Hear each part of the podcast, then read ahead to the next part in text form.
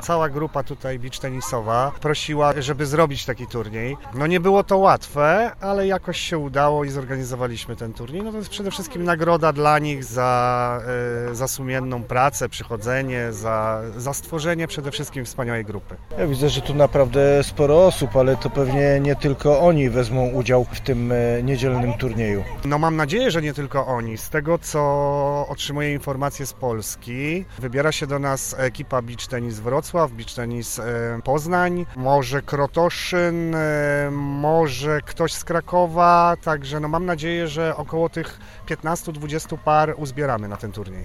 A liczy Pan na to, że być może zgłosi się ktoś, kto jeszcze nigdy w beach tenisa nie grał, a chciałby spróbować swoich e, sił?